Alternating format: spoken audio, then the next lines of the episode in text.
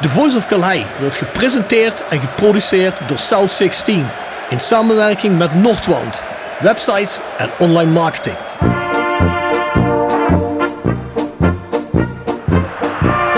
René van de Kerkhof, kom!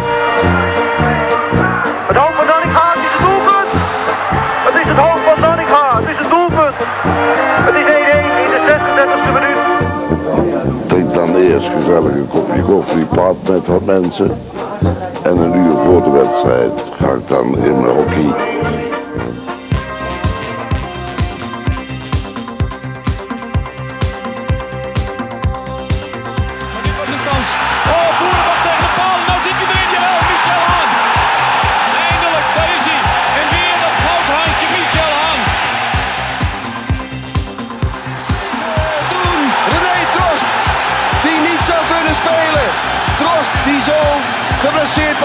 Lies, knalt hem keihard in de touwen.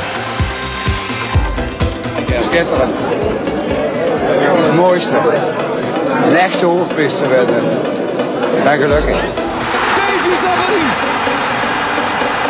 En Roda JC gaat naar de finale van Amsterdam. Marcus Ries, dat was al twee keer erg belangrijk. En nu mist hij. En dus gaat Roda opgelucht terug naar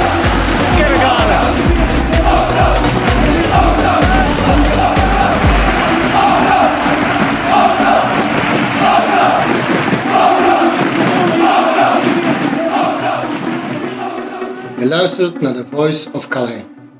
Aflevering 26, een kleine speciale aflevering van The Voice of Calais. We zijn gevraagd door Roda 1962 om wat herinneringen op te halen. En dat gaan we zo meteen ook doen. Dat wordt een kleine maar fijne. Dat gaan we zo meteen doen. En we ondersteunen nog altijd rodajc.nl, de website. Ga daar kijken, check uit. Je kunt ons ook streamen via daar. Ga naar het prikbord, discussieer mee. Doe van alles. Spotify, iTunes, Soundcloud en elk ander platform waar podcasts gestreamd worden, kun je ons vinden. Nou, Roda 1962 gaan we deze keer niet uitgebreid promoten, want dat heb je vandaag al genoeg gehoord in de 1994-95 special van Roda 1962. Mag je vooral lid. Deze keer heb ik wel een kleine prijsvraag. Kijk aan, ik ben benieuwd. Wie werd er topscorer in dat seizoen en met hoeveel goals? En ik denk dat ik wel een hele reeks inzendingen ga krijgen hiervoor. Dus ik zit er nog bij voor de tiebreaker wordt. Wie werd dat seizoen dan topscorer in de eredivisie? Want die lag er bijna dubbel zo hoog. Ja, denk er maar eens over Oh, na. ik denk dat ik het weet. Denk er maar eens over Ik na. denk dat ik het weet. Maar ik zeg niks natuurlijk. Nee, oké, oké.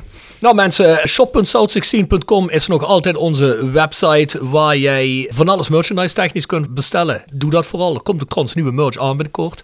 The Voice of Calais at south16.com is ons e-mailadres. Ja, Bjorn, onze herinneringen aan het seizoen 94-95. Hoe oud was je toen? Toen was ik eh 16, 17 jaar. Prille leeftijd. Klopt. En ja, het was natuurlijk een prachtig jaar. En ik moet heel eerlijk zeggen, mijn herinnering is niet zozeer gericht op één specifieke wedstrijd of één specifieke speler. Maar meer gewoon het gevoel wat je in dat seizoen iedere dag als supporter had. En met name op wedstrijddagen. Ja, dat was zo geweldig. Je wist gewoon al bijvoorbeeld als je naar Kalheide ging. Ja, je voelde je zo sterk. Je wist gewoon, we gaan winnen. De vraag is alleen, wordt het 2-0 of 3-0 of 3-1. Maar puntenverlies, het kwam helemaal niet in je op. En ik woonde toen bij mijn ouders. En ik liep altijd van mijn ouders thuis. Liepen we naar Kalheide. En hoe dichter je bij het stadion kwam, hoe drukker het werd. En dan kwam je op die overdekte staantribune. Ja, en dat, dat gevoel daar, hè, dat was gewoon magisch. En het allercoolste vond ik, en dat was met name in dat jaar, dan stond je op de Noordzijde. En wat ik altijd zo kicken vond, als Roda scoorde, dan rende iedereen zeg maar naar beneden, dat hek in. Ja. En dan was ik 16, 17 en ja, ik vond het dan verder om ook in het hek te hangen, weet je wel. En af en toe duwde iemand vol in je rug, een lachje op je gezicht en dan was je de schoen kwijt en... Tien man vielen over je heen, was ook nog levensgevaarlijk bij wijze van spreken. Ja, maar- dat zou tegenwoordig niet meer mogen. maar ja, dat, dat vond ik gewoon, je voelde je zo sterk, weet je wel. Roda was zo goed. Ja, dat was zo kicken. En eigenlijk, dat gevoel heb je bijna een jaar lang gehad. En ik ben ook heel veel uitwedstrijden geweest. Daar werd ook regelmatig gewoon dominant gewonnen. Ja, dat was gewoon kicken. Is dat nou het gevoel wat een Ajax-supporter heeft? Zijn hele leven lang? Ja, dat vraag ik me wel eens af. Kijk, voor ons was het toen natuurlijk niet heel normaal. Eh, hoewel we toen wel wat goede jaren hadden, maar dat jaar stak er natuurlijk bovenuit. Zou het niet zo zijn dat als je dat nooit hebt en je hebt het dan een jaar, dat dat dan magischer is. Kijk, bij Ajax, die worden, die worden ieder jaar, zouden die nog zo, zo'n kick ervan krijgen dat ze kampioen worden in de eredivisie? Nee, die magie is er vanaf. Ik denk ook dat een Ajax-fan voor de kick, dat er eigenlijk zoiets moet gebeuren als twee seizoenen geleden dat je een halve finale van de Champions League Precies, haalt. Precies. Ik kan me voorstellen dat je daar, als je bijvoorbeeld bij Real Madrid wint in de Champions League, dat je daar een kick van krijgt. Maar als zij, als zij kampioen worden, ga je dan het zesde jaar op rij je nog helemaal eh lamzuipen in, in, in Amsterdam Centrum. Ik bedoel, dat heb je op een gegeven moment toch wel gezien, denk ik. Dat denk ik ook wel, ja. En dan wordt winnen heel gewoon. En wij hebben dat toen inderdaad dat jaar meegemaakt. Ik was dat jaar 23. Ja, ik moet zeggen, ik herken precies wat je zegt. Het was ook een van de jaren dat ik... eh, want vrij snel daarna begon ik redelijk veel te doen met muziek. Het was ook eigenlijk een van de laatste jaren dat ik wat intensiever naar Kalheide nog ben geweest. Dat werd later in de PLS wel meer. Toen wij in de weekenden steeds minder begonnen te spelen. Of steeds minder begonnen te spelen. Toen dat wat minder werd dat je meer tijd had om naar je andere grote liefde Roda te gaan. Maar toen was het al PLS. Ik heb ook eigenlijk een paar van die laatste seizoenen bijna volledig gemist. Op Kalheide niet volledig, maar wel veel wedstrijden gemist. En ja, dat jaar was gewoon fantastisch. En dat is precies, ik ken me terug in dat gevoel. Hè. Je ging naar het stadion en je wist gewoon van, ja, dat kan niet misgaan. We hebben het wel eens over het gevoel gehad in de play-offs tegen NAC thuis. Dat je dat gevoel had dat je dacht van, ja, maar dit team heeft zo goed gespeeld. Ja, ik heb het gevoel dat dit goed gaat komen. Ja, dat gevoel had je toen eigenlijk bijna elke zondag. Ja, je stond er met 1-0 voor, voordat er eh, gespeeld ging worden. Maar ik denk dat vooral het magische van het team was. En ik heb eh, ook om nog eens wat herinneringen op te halen gisteravond die documentaire Het Jaar van de Polonaise gekeken.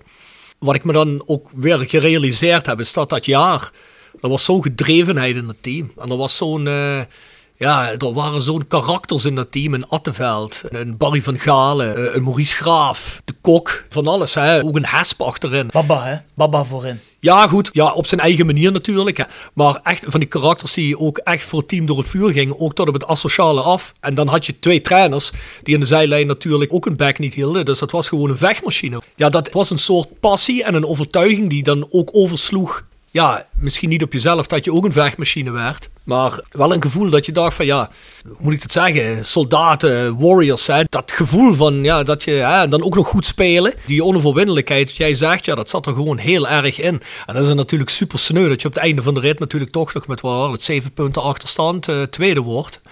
Dat je net belangrijke wedstrijden, waar je het eigenlijk niet hoeft laten te liggen, zoals tegen zo'n nek bijvoorbeeld, dat seizoen dat je daar 2-0 verlies was het geloof ik. Hè? Of Ah, 3-1 zelfs geloof ik in de 3-0, Goffert, ja. dat je het daarop laat liggen en dat je misschien geen echte kans hebt. Ik hoorde Barry van Gaal gisteren in die documentaire nog een keer zeggen van ja, Eddie Achterberg zei al heel vroeg in het seizoen, ik denk dat we kampioen kunnen worden. En wij geloofden dat gewoon niet. En dan zei hij zelf ook al, ik denk dat het verschil tussen ons en Ajax was, dat Ajax dat wel geloofde dat ze kampioen konden worden en wij niet. Wij hadden dat geloof gewoon niet echt. Natuurlijk zei hij, we zijn er wel voor gegaan op het einde, maar echter, als we eerder die overtuiging hadden gehad, zegt hij, hadden we langer in de race gebleven of misschien zelfs gehaald. En, maar ja, goed, dat is dan ook weer de charme van zo'n kleine club. Dat je dat, van de ene kant kun je zeggen, is jammer, van de andere kant is het natuurlijk, is het natuurlijk ook wel ruig dat je, ja, op de een of andere manier, ja, ik weet niet, het heeft toch iets romantisch dat dan toch zo iemand zegt, ja, wij geloofden daar gewoon niet in. Dat we dat konden met Roda. Er waren schitterende wedstrijden die dan ook werden afgelost door, eh, ja, ik weet nog dat we de kloot hebben gekregen door PSV. Wat was dat, 5-0 uit of zo? Ja, klopt, uit verloren, ja. Ook hint naar de prijsvraagtijd, maar dat was wel heel erg sneu. Maar ja, dat werd toen meteen weer opgepakt. En ik kan me herinneren een groot gedeelte van dat seizoen, dat was aan het einde van mijn leraar Engels studie. Toen heb ik drie maanden heb ik in Canada gezeten, in Toronto, op stage. Want voor die studie moest je op zijn minst anderhalf of twee maanden moest je in een Engels sprekend land zitten en je daar weten te redden in eh, de Engelse taal. Dus dat je Engels moest spreken. En dat deden ze om daar een beetje hè, het Engels dat gesproken werd eh, machtig te worden. Dat gewoon dagelijks te spreken. En ik had vrienden in Toronto, dus ik ben er drie maanden geweest. En ik weet nog heel goed dat ik altijd, want ja, dat was een tijd voor internet. Ik ging altijd falafel halen bij zo'n kebabtentje. En die hadden ook een stand met kranten. En er zaten ook Engelse kranten in. Of geloof ik Duitse kranten, dat weet ik niet meer. En dan ging ik altijd op zoek. Kun je dat nog herinneren? Dat je ook in het Limburgs Dagblad had je vroeger je helemaal achterin keek. Dan had je alle uitslagen van de amateurcompetities, maar ook van de internationale competities. En dat was vaak de enige manier hoe je wist dat dan, weet ik veel, eh, in Frankrijk, eh, weet ik veel, Marseille gewonnen hadden. Omdat Ja. dat niet op tv kwam. Tegenwoordig is alles op tv. En er zat ook in een uithoekje van die krant zat ook de Eredivisie-uitslagen. En dat je altijd de stand en de wedstrijden. En ik verbaasde me week na week, want ja, je hoorde niks. Ik belde wel eens naar huis natuurlijk en dan hoorde je wel eens van ja, het gaat goed met Roda. En dan zag je week na week dat Roda meer won en won en won. In die ranglijst zag je ze altijd meer naar boven gaan. En dat waren wel ja, echt drie wonderlijke maanden voor mij. Want toen ik terugkwam, stond Roda volgens mij tweede of derde. Toen ik vertrok, dat was toen veel gelijke spelen in het begin van het seizoen geloof ik. Vier op rij, 3-4. geloof ik. Vier Ja op rij gelijk. wel ongeslagen tot aan de winter. Maar ja, ik was verbaasd. Ja, het was wel bizar Roda zo goed te zien gaan, maar dat je dat dan uit de krant moet vernemen. Ja, dat is raar. Dat kan misschien iemand zich tegenwoordig niet meer voorstellen. Maar heb jij ook geen eh, herinneringen meer aan specifieke wedstrijden? Of, eh, Nou, ehm, moeilijk. Volgens mij hebben we toen op het einde 5-0 van Feyenoord gewonnen, hè? ja, laatste wedstrijd. Die staat me nog heel Ja. helder voor de Ja, geest. Ook met eh, Erik van der Leur en noem maar op. En ik geloof dat het ook dat seizoen was. Ik zag daar gisteren nog mijn vlag hangen, trouwens. Oh ja? Ja, Welke was dat? dat was gewoon zo'n geel-zwarte vlag waar we zelf iets opgekalkt hadden. Hè? Die hing daar aan het hek. Oké. Volgens mij was het ook dat seizoen dat we dus 2-4 wonnen uit bij NAC Breda. En daar heb, ik, daar heb ik laatst nog een foto voorbij zien komen. Dat was volgens mij met die hattrick van Maurice Graaf. Daar Ja, hebben we- daar hebben we precies. het met hem ook over gehad. Ja, dat was ook zo'n een soortje in het uitvak. En ja, je was zo sterk en mooie doelpunt. En dan won je dat ook alweer. En ja, dat voelde gewoon... Ja, we weten als geen ander, als Roda wint, dan is het ook wat makkelijker de werkweek door te komen. Je staat toch wat prettiger Mhm. op op zo'n maandagochtend als Roda winst lekker gespeeld heeft. Dus ja, toen had je eigenlijk continu zat je in die flow. En dat werkt ook gewoon door, vind ik, in je gevoel hoe je privé door de week functioneert. Dat is niks zo lekker als dat je favoriete club wint natuurlijk. Ja, ah, dat jaar was ook wel een klein beetje, ja, ik wil niet zeggen de wisseling van de wacht, maar er kwamen wel een aantal spelers bij die er van tevoren niet hebben gezeten. Hè. Er kwam een Ben van Galen bij, er kwam een Attenveld bij. Kwam van Galen dat seizoen? Volgens mij wel, hè? Of kwam Ja, ja. Attenveld, De Kok, eh, Graaf. Dus er kwamen heel belangrijke spelers van in de as kwamen. En ja, ik weet nog dat volgens mij Jean, dus Hanze, het seizoen ervoor was het laatste seizoen, die is dat seizoen dat uh, Roda zo goed spelen, zat hij in Hongkong. Het was dus een beetje die wisseling van de wacht van die jongens die daar van tevoren zaten. Die ook Europees hebben gespeeld wel. Maar dit team was natuurlijk een leveltje hoger nog. Het was ook het aanbreken van een beetje een nieuw tijdperk werd er ingeluid. Hè? Want eh, volgens mij hebben we toch redelijk veel in die tijd ook Europees gespeeld. Ja. Dus, maar ja, het was eh, ja, geen Ja, idee. dat is prachtig. Genieten. we waren in ieder geval meer gewend te winnen met Roda, ook in de seizoenen ervoor, dan dat we het nu zijn. Want nu is het de laatste vijf tot zes jaar wel heel erg minnetjes. Ik vind het ook heel jammer voor de jonge, enthousiaste fans die we hebben. We hebben heel veel eh, ook jonge, fanatieke fans. Dan moet ik wel zeggen, dat vind ik wel schitterend dat die met hun initiatieven komen, zelfs in zo'n tijd dat het erg app is bij Roda. Ik vind het wat sneu voor zo'n jongens en meisjes, dat die eigenlijk, als ze nu 16 zijn, of 15 of 17, dat in die tijd waarschijnlijk nog niet al waren, dat het nog goed ging. En ja, in die tijd, ja, was... eh, ik wil niet zeggen dat het aan de orde van de dag was, in dat seizoen wel. Maar toen was winnen nog heel gewoon. Zeker weten. En daar heb ik ook wel eens aan teruggedacht. Ik bedacht me wel eens van, godverdomme, weet je wel, eigenlijk heb je er misschien toen niet genoeg van genoten, Ja. omdat, je, omdat het normaal was. Als je toen had nog, geweten, ja. als je toen had geweten van ja, over twintig jaar maak je misschien acht jaar eh, dof ellende mee, had je er misschien nog meer van genoten. Toen vonden we dat best wel normaal. Als je toen thuis gelijk speelde tegen NAC of FC Twente, was je zwaar en zwaar teleurgesteld. En ja, dat kun je nu natuurlijk niet meer voorstellen. Weet je wel, je ging toen naar stadion Kalheide en toen dacht je van ja, het is Kalheide, het is ons stadion, het is natuurlijk lang niet het mooiste van Nederland. En toch denk ik nog wel eens van potverdorie, ik zou nog wel eens een uh, af en terug willen naar stadion Kalheide, want dat was natuurlijk voor tegenstanders vreselijk.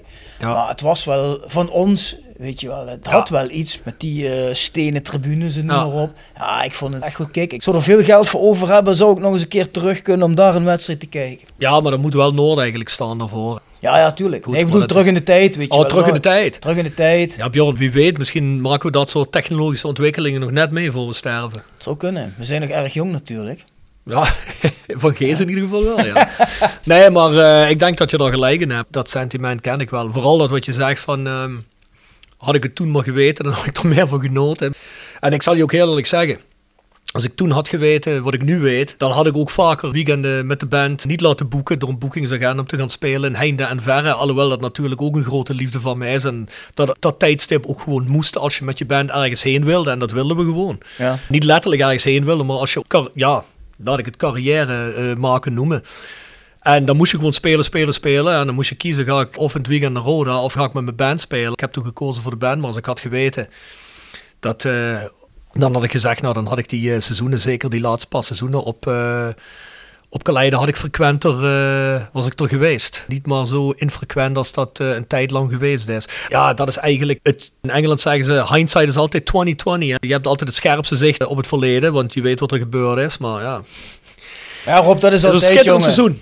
Het is altijd zo. Als je het had kunnen overdoen of terug kunnen kijken. Als ik had kunnen overdoen, had ik nu op de Filipijnen gewoond. Kan ik je wel zeggen. Ja, ik woon hier in Kerkrade op de Oh. Lokte, jong. Dus ja. Oh, jij bent diegene die op de log woont? ik ben dat. Oh shit. Ik denk dat dat ons memoires zijn van het seizoen 94-95.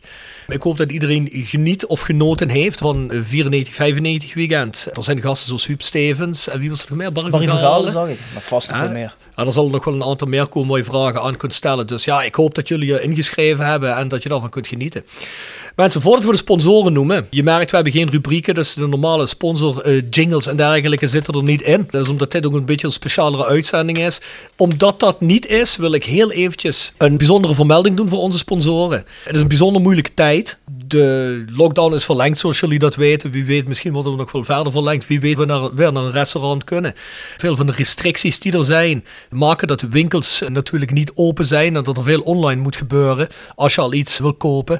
Waarvan natuurlijk heel veel van onze sponsoren ook de dupe zijn. In ieder geval, die handel zal niet zo lopen. Of tenminste zoals die zou kunnen lopen. Daar komt ook nog eens een keer bij. Mensen hebben misschien doordat mensen hun baan verliezen. Mensen een minder gedeelte van hun loon verdienen. Dat er minder koopkracht is. Daarom wil ik nog eens een extra bedankje doen aan onze sponsoren die ons nog altijd steunen. Ik moet ook helaas erbij zeggen dat Telefoonreparatie Limburg helaas slachtoffer is geworden van de crisis. De respect uitspreken naar hun dat ze ons zo lang gesteund hebben. Ook voor de steun in het verleden. En voor de rest, ja, mensen, jegers, advocaten. Mocht je ook maar iets hebben, ga niet naar een andere advocaat. Ga naar Bjorn Jegers. Hetzelfde geldt zo meteen als Heer Nail and Beauty Salon next door weer open is. Ga daarheen als je een knipje moet hebben of als je een schoonheidsbehandeling moet hebben. Kies gewoon lokaal. Dat geldt ook voor de Veilerhof, voor Herberg de Bernardeshoeve. Ik geloof dat beide, van de Veilerhof weet ik het 100% zeker, maar ik geloof dat beide ook aan bezorging doen. Dus bestel daar dan eens een keer meer in de week iets te eten. Ik weet dat kost geld, maar als je het geld al kunt uitgeven, Geef het dan daaruit, want dat zijn de mensen die het hard nodig hebben. Dat zijn mensen die voor hun overleven vechten. En dan heb ik het niet over of ze aan leven blijven, maar wel of ze een bedrijf aan leven kunnen houden. Nou, volgens mij gaat het met Noordwand wel redelijk oké. Die doen heel veel online business, dus, maar die helpen ons heel erg met ook productie en het sponsoren van onze setup. Dus daar respect in. Theo van GSR Music, die leidt natuurlijk ook een beetje onder de crisis. Zit in de eventbranche, dus dan weet je hoe dat zit. Niet goed. Bestel daar een t-shirtje meer of een cd'tje en probeer dat eens uit. Stokgrond verzet een rapje autodemontage. Nou, ik vermoed dat de auto's wel geslopen zullen blijven. En Leo is altijd aan het graven, denk ik. Maar ook veel respect naar hun toe. Mocht je iets zoeken van graven of moet je je auto laten slopen of zoek je naar auto-onderdelen, ga naar die twee toe. Stokgrond verzet een rapje autodemontage. Van Ooije Glashandel, ook trouwens sponsor vanaf het begin. Kies geen andere glashandel, ook voor glasreparaties. Ga naar Van Ooije. Quick Consulting, als je consulting nodig hebt wat aangaat, bedrijfsorganisatie, reorganisatie, etc. Klop bij Patrick aan. Willeweber Keukens heeft vandaag ook wel zijn sponsoring verlengd. Volgens mij heten ze tegenwoordig Willeweber Interieur. Dus dan zullen ze misschien ook meer aan keukens doen. Dus ook ontzettend veel respect daarvoor. Hetzelfde geldt voor Wirtz personeelsdiensten die ons constant blijven steunen. En natuurlijk voor Fandom Merchandising en Sky Art Picks. Bestel wat meer aan merchandising, want daar zal ook, omdat events niet plaatsvinden. En er worden ook veel merchandise voor dat soort zaken gemaakt. En ook voor fans en eh, fanclubs in het stadion is er ook heel van de omzet weggevallen. Dus probeer die mensen te ondersteunen. Stuur er een opdrachtje heen. Het Nederlands Mijnmuseum. Nou, ga er een kijkje nemen. Rode Arctic dat zijn die goedgezinde fans uit Scandinavië die ons ondersteunen. Dus mensen, wat ik wil zeggen, het heeft even lang geduurd met de sponsoren, maar ondersteun ze. Want als je hun blijft ondersteunen en hun blijven er bovenop, help je indirect ook ons. Bedankt. Ons mailadres, The Voice of Calais. En dat was hem. Adieu. Adieu.